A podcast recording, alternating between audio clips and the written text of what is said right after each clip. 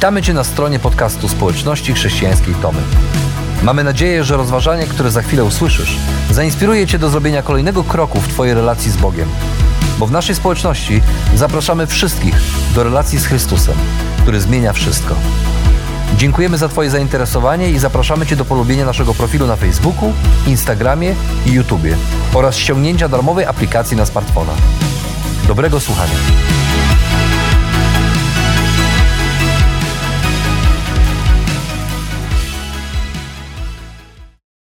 Pewnie wiesz, jak to jest, kiedy urządzenia, których na co dzień używasz w swoim domu, tracą swoją moc. E, Jesteś w połowie filmu, który e, oglądasz z rodziną podczas wspólnego wieczoru albo, nie wiem, meczu Polska-Szwecja, a tu nagle gaśnie światło, robi się ciemno, e, gaśnie telewizor. Albo postanowiłeś rozprawić się ze startą pogniecionych ubrań właśnie. Żona przyniosła ci i wrzuciła na stół z pralki i trzeba uprasować. e, I odpalasz żelazko, ale jakoś słabo grzeje. Podkręcasz potencjometr, a ono stygnie. E, Ja pamiętam w domu mieliśmy, moja mama miała taki prodisz, prodisz, prodisz, który bardzo często używała i już on był tak stary, że już później jak go używała, to zawsze w szafce przy nim leżał śrubokręt, bo czekaliśmy, czy się rozgrzeje, czy nie. Często się nie rozgrzewał, trzeba by było rozkręcić pokrywę i, i połączyć ze sobą te druciki, na których e, były, była ta, taka spirala, e, te ceramiczne elementy, bo one się ciągle przepalały. Albo jedziesz autem do pracy i, i czujesz, że coraz słabiej przyspiesza i im więcej gazu dodajesz, to gdzieś silnik zamiast wchodzić na wysokie obroty dławi się, a w końcu gaśnie. I takie banalne przykłady, ale potrafią uprzykrzeć życie, potrafią zdenerwować, wystraszyć, zniechęcić. Yy, Ale też niełatwe jest, yy, niełatwo jest też wtedy yy, kiedy, w życiu, kiedy ty tracisz moc. Wypaliłeś się zawodowo i praca nie sprawia ci już przyjemności, takie nudne zarabianie pieniędzy. Albo w małżeństwie mijasz się ze swoją żoną, mężem i coraz bardziej czujecie, że nie macie sobie nic do powiedzenia. Wypalił się gdzieś ten pierwotny płomień, który połączył cię z ukochaną osobą i czujesz, jak ta relacja traci swoją moc. Albo w rodzinie straciłeś moc oddziaływania na własne dzieci. Chodzą swoimi drogami, robią co chcą, a ty nie masz już siły przebicia. W nosie mają twoje uwagi, twoje porady. Niedobrze jest też i wtedy, gdy twoje chrześcijańskie życie traci swoją moc. Naśladowanie Jezusa od jakiegoś czasu staje się coraz większym ciężarem, gdzie oprócz braku jakiegoś spełnienia dochodzi poczucie winy za, za popełnione błędy i grzechy wobec zawyżonych przykazaniach standardów moralnych. Jezus tyle dla mnie zrobił, a ja wciąż go zawodzę. Nie nadaje się do tego, mówią niektórzy zgaszeni chrześcijanie. Tracą moc, entuzjazm, rozluźniają swoją więź z Bogiem i wracają do swojego dawnego życia w grzechach, w namiętnościach. A może jeszcze nie poznałeś Boga i szukasz relacji z Nim, chcesz Go poznać, bo być może dzięki Niemu coś zmieni się w Twoim życiu, ale, ale nie możesz się zdecydować, bo widzisz takich zgaszonych chrześcijan i, i listę tych chrześcijańskich zakazów i nakazów, które łamią i myślisz sobie, to chyba nie ma sensu, bo ja też raczej nie dam rady. Gdy więc nie tylko Twoje urządzenia domowe, ale i życie, a w tym Twoje chrześcijańskie życie traci moc, zniechęcenie, poddenerwowanie, nerwy, emocje sprawiają, że po prostu pytasz coś, co jest, co się dzieje. Przecież starasz się być dobry, starasz się walczyć z pokusami, chodzisz do kościoła, a tu nic, tu coraz mniej siły. Uchodzi z ciebie ta moc i, i, i nie wiesz, nie masz pojęcia, jak ją zatrzymać. Gdy czytamy listy apostoła Pawła, widzimy, że niektóre z nich kierowane są do tych, którzy właśnie tracili moc swojego chrześcijańskiego życia. Yy, To groziło, że za chwilę przestaną być świadkami Jezusa, przestaną oddziaływać na swoje otoczenie, a, a i sami zaczną wracać do swojego starego życia w grzechach, w namiętnościach, w słabościach. I do nich. Do nich, ale i do każdego, kto patrząc na swoje życie czuje, że gdzieś uchodzi z niego ta, ta moc. Właśnie apostoł Paweł pisze: Jest moc. Jest moc. Czym jest ta moc? Skąd ona się bierze? Jak jej nie stracić? Tego właśnie chcemy dowiedzieć się podczas tej serii kazań, o której słyszeliśmy na początku. Rozpoczynamy dzisiaj, którą zatytułowaliśmy właśnie Jest moc. Jest moc. Jest moc. Tak mówi, a wręcz woła Paweł y, dziś w liście do Galatów, w tym fragmencie, który będziemy dzisiaj czytać i, i pochylimy się nad nim. Więc posłuchajmy, jak, jak, jak, jak, jak, jak piąty rozdział, trzynasty wers co pisze Paweł. Pisze tak: Wy bowiem, bracia, zostaliście powołani do wolności. Tylko niech ta wolność nie będzie dla was zaproszeniem do spełniania zachcianek ciała. Służcie raczej jedni drugim z miłością, gdyż całe prawo streszcza się w tym jednym zdaniu. Masz kochać bliźniego tak, jak siebie samego. Jeśli jednak jedni drugich kąsacie i pożeracie, uważajcie, abyście się nawzajem nie strawili. Galacja to, to była e, prowi e, rzymska prowincja w Azji Mniejszej. Tam Paweł osobiście głosił Ewangelię, tam założył lokalny kościół. A kiedy wyjechał, pojawili się fałszywi nauczyciele, którzy dorzucali swoje trzy grosze do tego, czego nauczał Paweł, mówiąc, dobra, Jezus Jezusem, zbawienie przez Niego, ale aby tak naprawdę się zbawić, trzeba przestrzegać przepisów prawa. Jesteś nawróconym Żydem na chrześcijaństwo? Dalej, spełniaj swoje żydowskie religijne obrzędy, zachowuj przepisy, y, a których nie było przecież mało, bo ponad 600. Nawróciłeś się z pogaństwa? Nie tylko rób to samo, ale nawet musisz się obrzezać, żebyś w ogóle miał prawo to robić, żeby się zbawić. Jaki był skutek y, tego, tego, tych wstawek tego, tego trzy grosze fałszywych nauczycieli. Ano taki skutek jak, jak, jak zawsze, kiedy, kiedy właśnie wtrącamy swoje trzy grosze y, tam, gdzie, gdzie nie trzeba, tam, gdzie coś działa w prawidłowy sposób. No to tak jak w życiu. Y, ktoś mówi, wszystko było dobrze do czasu, gdy teściowa coraz częściej zaczęła wtrącać swoje trzy grosze do naszego małżeństwa. Zresztą nie tylko do naszego. Rozbiła już małżeństwo mojej y, siostry, mojej żony, szwagier znienawidził ją, a z, siostr, z siostrami żyje jak pies z kotem, bo ciągle wtrąca swoje trzy grosze w ich życie. Y, nawet własny mąż zdenerwował się, spakował i wyjechał w Wigilię do mamy. Y, a teraz swoje trzy grosze wtrąca w nasze życie. A to, że dzieci nie szczepimy, bo nie wolno, a to, że pieniądze nie wydajemy tak, jak trzeba. Czuję, mówi ten mężczyzna, coraz częściej się kłócimy o nią z żoną. I trochę żonę rozumiem, przecież to jej matka, ale czuję jednak, że, że to jej ciągłe wtrącanie y, oddala nas od siebie. Coś dzieje się niedobrego. To, to jedna z wielu historii, kiedy właśnie ktoś wtrąca swoje trzy grosze tam, gdzie nie trzeba. I tak właśnie było y, w tej historii y, tych fałszywych nauczycieli. Taki skutek właśnie ta nauka przyniosła. Jedni, jak Paweł pisze, jedni drugich zaczęli kąsać i pożerać, a to doprowadzało do sporów, kłótni i w konsekwencji ci ponawracani chrześcijanie już nie, wiedzieli co i czuli, że tracą wolność. No, przecież do, tracą wolność, wracając do przestrzegania jakichś religijnych obrzędów, przepisów, prawa. E, poganie, którzy nigdy tego nie robili, nagle mają to robić, dać się obrzezać. A co za tym idzie, ta miłość, którą żyli, oddziaływali, zaczęła przygasać i, i, i nie oddziaływali już tak jak do tej pory na, na otoczenie, a dodatkowo też zaczęli niszczyć samych siebie, własne, własne wspólnoty. Y, Paweł widząc to, wiedział, po prostu wiedział, że oni zapomnieli o jednym z najważniejszych praw, najważniejszych powołań, jakie Bóg ma dla każdego człowieka. Dlatego nie tylko na początku tego fragmentu, który dziś rozważamy, ale w ogóle na początku całego piątego rozdziału Paweł woła: Chrystus przyniósł nam wolność. Do wolności zostaliście powołani. I dzięki tej wolności możecie robić to, co w życiu najważniejsze. kochać. Po to jest ta wolność, żebyś kochał. A trudno jest kochać, gdy uwagę skupiamy na samych sobie.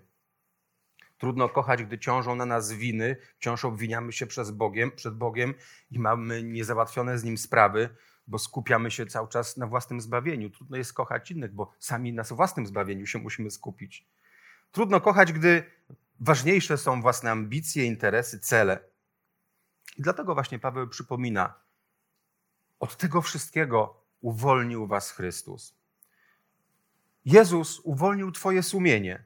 Nie musisz się już obciążać winą z powodu grzechów. On ci przebaczył i zapłacił za nie na krzyżu. Uwolnił Twoje sumienie. Czuj się wolny. Uwolnił Cię od grzechu. Jesteś wolny. Jesteś wolny, jeśli grzech napawa Cię smutkiem, wstydem, obrzydzeniem, walczysz z nim, nie zgadzasz się na grzech. To właśnie to. Jesteś przemieniony, jesteś wolny. Uwolnił Cię od egoizmu i skupiania się na samym sobie. Jeśli ofiarne życie dla innych nie jest dla ciebie stratą czasu, bo mógłbyś coś teraz dla siebie robić, jeżeli służba dla innych w, tej, w życiu widzisz wie, więcej radości w dawaniu aniżeli w braniu, to jesteś wolny, by kochać. Jezus też uwolnił cię od religijnych zasad, zwyczajów, tradycji, zakazów, nakazów. One nie rządzą tobą. Jeśli masz relacje z Bogiem, z ludźmi, walczysz z grzechem, bo tak chcesz, bo kochasz Jezusa, a nie, że to tradycja, nie, że tak trzeba, że to zwyczaj, że to jakiś nakaz czy zakaz, to jesteś wolny. Zrozum to, woła Paweł. I właśnie tej wolności poz próbowali pozbawić wierzących fałszywi nauczyciele. Mówili: Nie, nie, nie jesteś. Nie musisz, musisz wrócić, musisz się biczować za własne grzechy, walczyć z pokusami, z cielesnością. I właśnie o tej wolności czasami zapominają też współcześni chrześcijanie i po prostu tracą gdzieś moc, bo nie idą w tym kierunku, co trzeba. Tracą moc, by kochać i miłości uczyć innych. Dlatego warto pamiętać, że w wolności, jaką otrzymałeś od Chrystusa, jest moc. Żyj nią i służ Bogu z miłością i ludziom.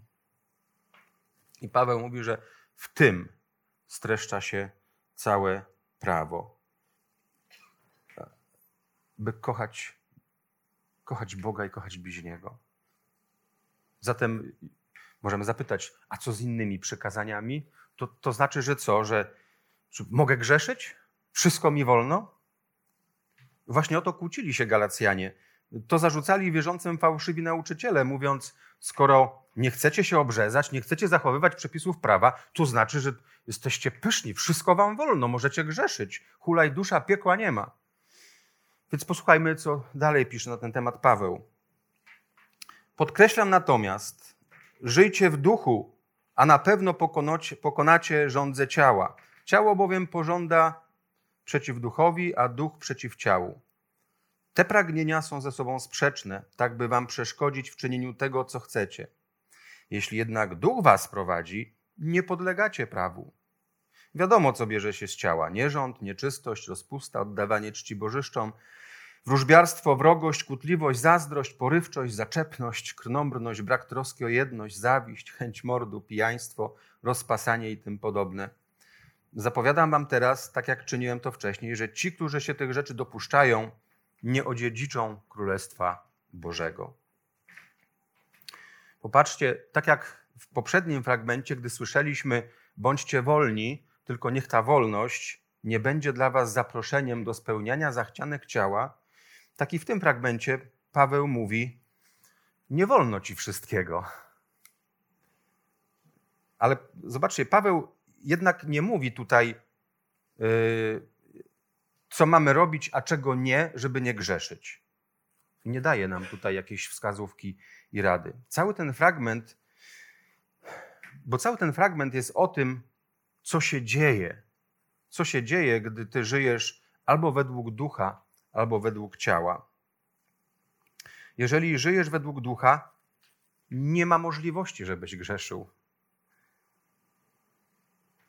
Tu Paweł odwołuje się do pragnień. Mówi, nie można jednocześnie pragnąć rzeczy, które się wykluczają. Nie można pragnąć żyć i rzucić się pod pociąg. To jest niemożliwe.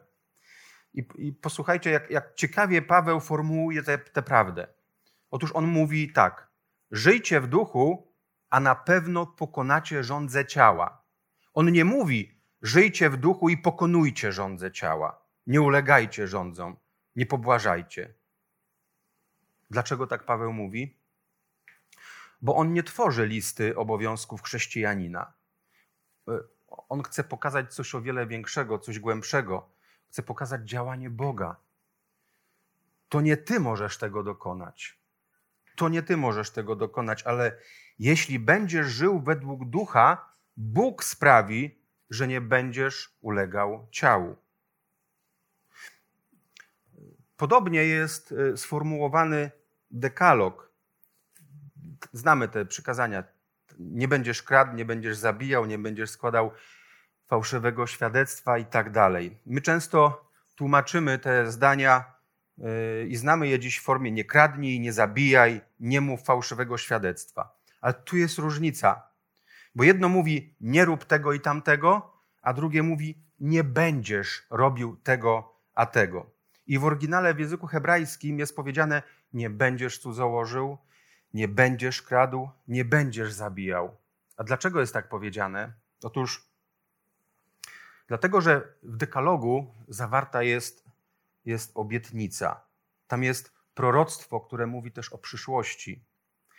Proroctwa, które wskazują na Chrystusa, na przykład u Ezechiela, mówią tak: Stworzę w was człowieka, staniecie się nowym stworzeniem, zmienię wasze serca, włożę mojego ducha do waszego wnętrza, ja sprawię, że będziecie postępować inaczej.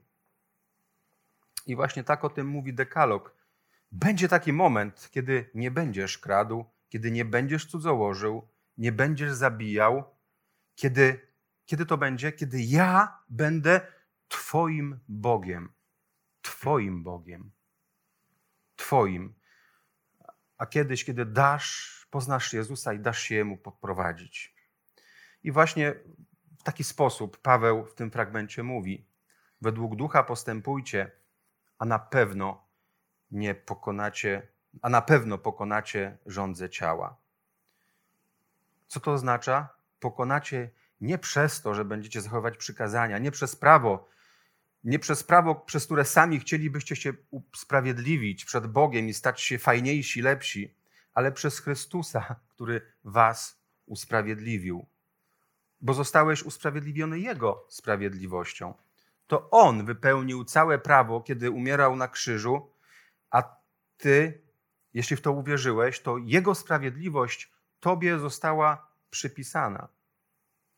I, właśnie to jest ta droga, ta nowa droga zupełnie inna od tej, gdy ciągle próbujesz się usprawiedliwiać przed Bogiem i pokazywać, jaki to jesteś dobry, kiedy żyjesz przez, przez własne sprawiedliwe życie nie jesteś w stanie tego, nie jesteś w stanie tego wykonać. Przez własne sprawiedliwe życie nie jesteś w stanie się zbawić.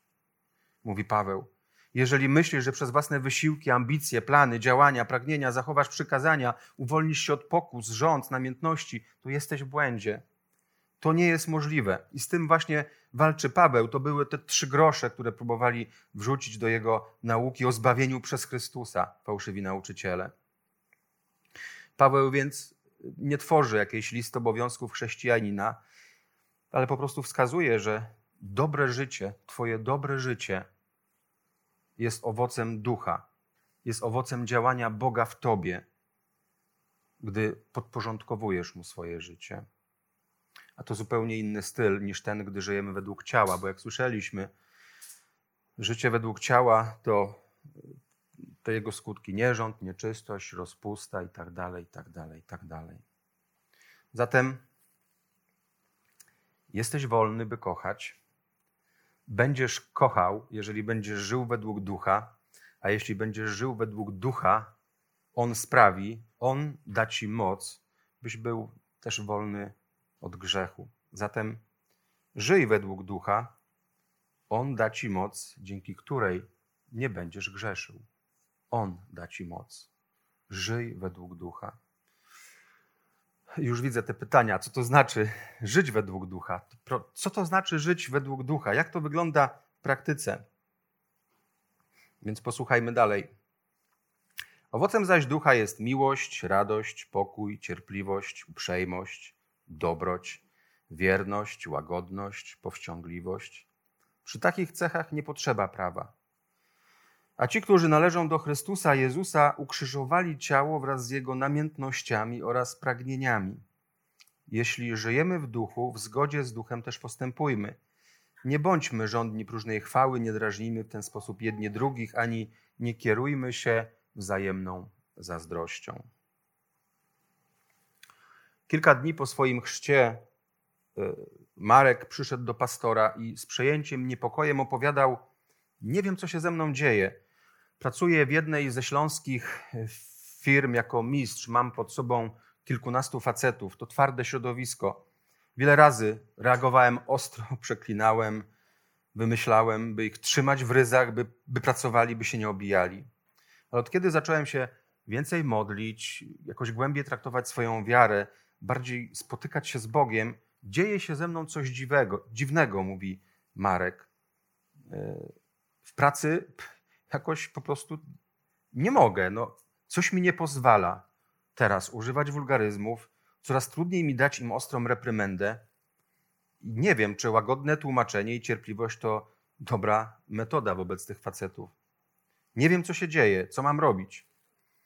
A ten pastor właśnie otworzył list do Galacjan i przeczytał mu: Owocem zaś ducha jest miłość, radość, pokój, cierpliwość, uprzejmość, dobroć, wierność, łagodność, opanowanie. Przy takich cechach nie potrzeba prawa. I gdy skończył czytać, powiedział: Zobacz, właśnie teraz bardzo intensywnie smakujesz owoców Ducha Świętego w swoim życiu. I to od ciebie zależy, co z tym zrobisz. Czy zostaniesz w tym nowym życiu, czy wrócisz do, do starego, do poprzedniego. Może, może i ty pamiętasz też te, te chwile, kiedy się nawracałeś, kiedy się nawracaliśmy. Jakie to były chwile? Może pamiętasz te emocje, wzruszenia, łzy, gdy, gdy wszystkie kazania były o tobie, jak zacząłeś pojawiać się na nabożeństwach. A, a pamię, może pamiętasz, jak nie mogłeś doczekać się kolejnej niedzieli, by znów usłyszeć to kazanie, by, by, by zobaczyć, jak ludzie się modlą. E, a może pamiętasz, jak czułeś, że coś w tobie pęka, coś się zmienia i stajesz się inny, jakiś lepszy, bardziej opanowany. A może pamiętasz, jak nagle, nagle jakoś potrafiłeś zorganizować sobie czas, by spotkać się, nie wiem, z wierzącym kolegą, koleżanką, pogadać yy, nie tylko o pracy, o domu, o życiu, ale o Bogu, o, o Biblii. Może pamiętasz te chwile, jak nie było dla ciebie problemu, żeby wziąć wolny z pracy i podczas chociażby y, kontaktu, czyszcząc ściany w jakimś remontowanym mieszkaniu, służyłeś ludziom i byłeś zachwycony, jak twoi towarzysze z Ameryki, wolontariusze w tych domach z miłością rozmawiali z tymi ludźmi, a potem gdzieś przy posiłku modlili się i, i ty się po raz pierwszy pomodliłeś. Jak, jak te emocje. Albo jak w pracy opowiadałeś o Kościele i byłeś dumny, że przyznałeś się do Jezusa, choć nie było łatwo, choć może to nikogo nie zainteresowało. A może pamiętasz te chwile, jak, jak po raz pierwszy zacząłeś jakoś rozmawiać z synem, córką i nie skrzyczałeś, nie uniosłeś się, nie wyszedłeś, trzaskając drzwiami. Okazuje się, że, że to jest możliwe. Że to wszystko było możliwe wtedy, kiedy odłożyłeś swoje własne ja, swoje plany, swoją wygodę, swój komfort, by pójść za Jezusem, by słuchać Go, by łaknąć, co On dla mnie ma. I to właśnie na tym polega życie według ducha. Odwołam się troszeczkę wcześniej do, do czwartego rozdziału na sekundę, bo tam Paweł y, bierze na, na przykład Abrahama, odwołuje się do Abrahama y, i mówi ta, i pisze, że pierwszy syn Abrahama, Izmael, narodził się z ciała, a drugi Izaak z ducha.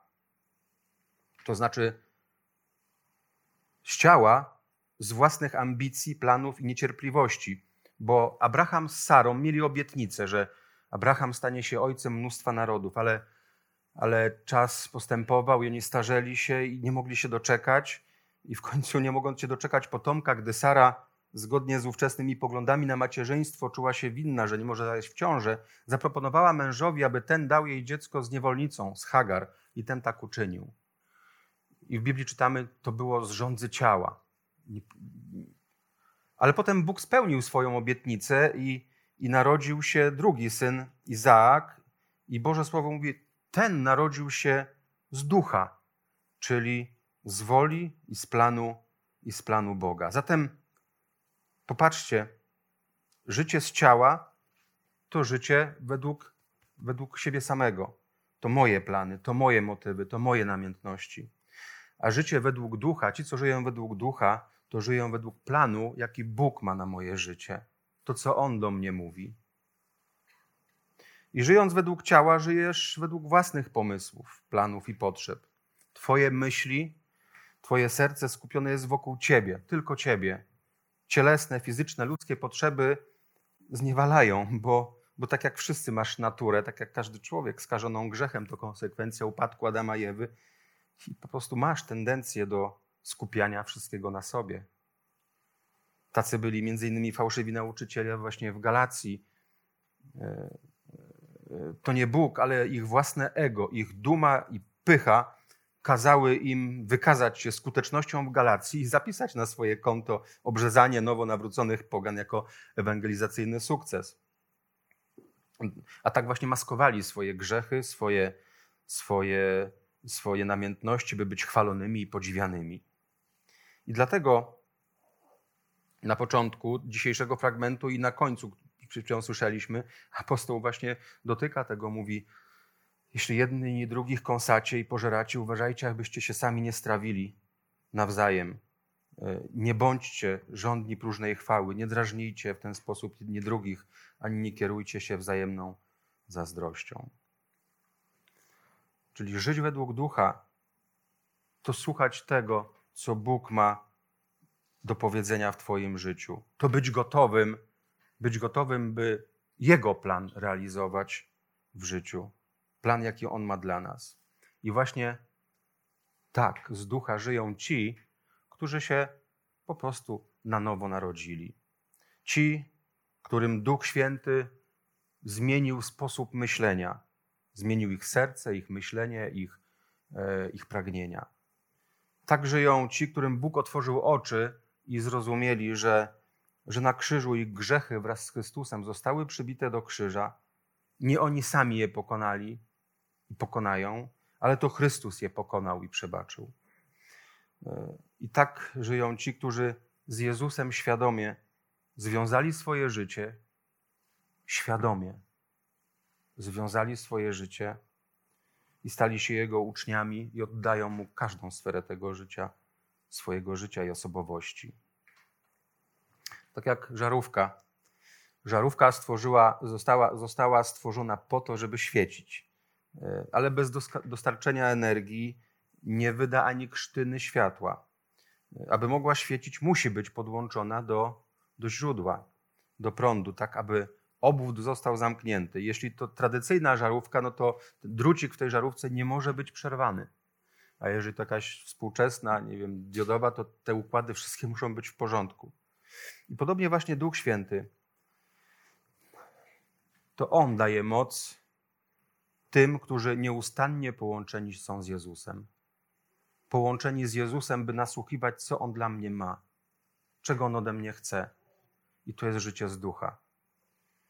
Połączony nieustannie z Jezusem, bo dzięki tej mocy staje się, dzięki tej mocy stajesz się świadectwem miłości, radości, pokoju, cierpliwości, opanowania tego, tych owoców, które wymieniał Paweł. Bo, bo te owoce to jest ta moc, to jest i to jest znak firmowy chrześcijanina. To jest cecha jego charakteru, cecha jego życia, cecha, która ma moc, bo u innych budzi podziw i jest zachętą dla innych. Nikt nie zachwyca się, nikt nie zachwyca się tym, że przestrzegamy przepisów, nikt nie zachwyca się tym, że, że płacisz podatki, nikt nie zachwyca się tym, że nie kłamiesz. Ludzie zachwycają się tym, że masz w sobie pokój. Boże, jak, ja ci zazdroszczę, ile ty masz pokoju, kiedy wszyscy są spanikowani wokół. Albo ludzie zachwycają się tym, że masz w sobie radość, kiedy, kiedy wszyscy smutni. E, ludzie zachwycają się tym, że jesteś cierpliwy. Boże, jak ja, ja nie potrafię. Podziwiam Cię za cierpliwość, to jest niesamowite. Ale cierpliwość, radość, pokój to nie, jest, to nie jest coś, co można nakazać w przykazaniu. Bądź cierpliwy, bądź radosny i to jest przykazanie i masz to wypełniać. To nie. To masz, jeżeli żyjesz z ducha, jesteś złączony z Jezusem, a Bóg jest sprawcą tych rzeczy w tobie. To On w tobie rodzi te owoce. Zatem, jeśli chcesz żyć według ducha, po prostu złącz swoje życie z Jezusem. Pamiętam, kiedyś w takiej kolejce stałem, kilka grup dzieci oczekiwało w kolejce na tramwaj wodny, który miał zabrać w rejs z Gdańska na Hel. I w tej kolejce zrobił się istny bałagan. Dzieci chodzia- chodziły gdzie chciały, mieszały się z dziećmi z innymi grup, a to raz były na początku, a raz w środku, raz gdzieś i ci wściekli do czerwoności, y, ich wychowawcy krzyczeli, robili, y, krzyczeli, napominali, kazali, zakazywali, nakazywali, karcili ich. I jeszcze większy zamęt wprowadzali w całą tą grupę. I w całym tym bałaganie tylko jedna grupa trzymała się razem wokół swych uśmiechniętych i spokojnych wychowawców. A byli to opiekunowie i dzieci w żółtych koszulkach. Ich opiekunowie nie musieli robić niczego. Nie musieli biegać, krzyczeć, yy, szukać, karcić, nakazywać, zakazywać, bo dzieci trzymały się razem. Wystarczyło, że mieli żółte koszulki, byli w zasięgu wzroku i sami wiedzieli, co mają robić, by się nie zgubić, by trzymać się razem. I właśnie podobnie jest, gdy w polu Twojego widzenia jest Jezus. Wystarczy, że w polu Twojego widzenia zawsze będą Jego słowa w Biblii, ludzie, którzy o Nim mówią, żyją, sprawy, które dzieją się dla Niego, z Nim i przez Niego. Wtedy będziesz miał wszystko, czego Ci potrzeba, by kochać i żyć z dala od grzechu. Bo Jezus mocą swojego ducha napełnia życie tych, którzy chcą żyć, chcą kochać i żyć z dala od grzechu. Dlatego zawsze patrz w Jego stronę, a i w Twoim życiu widoczne będą owoce Jego działania.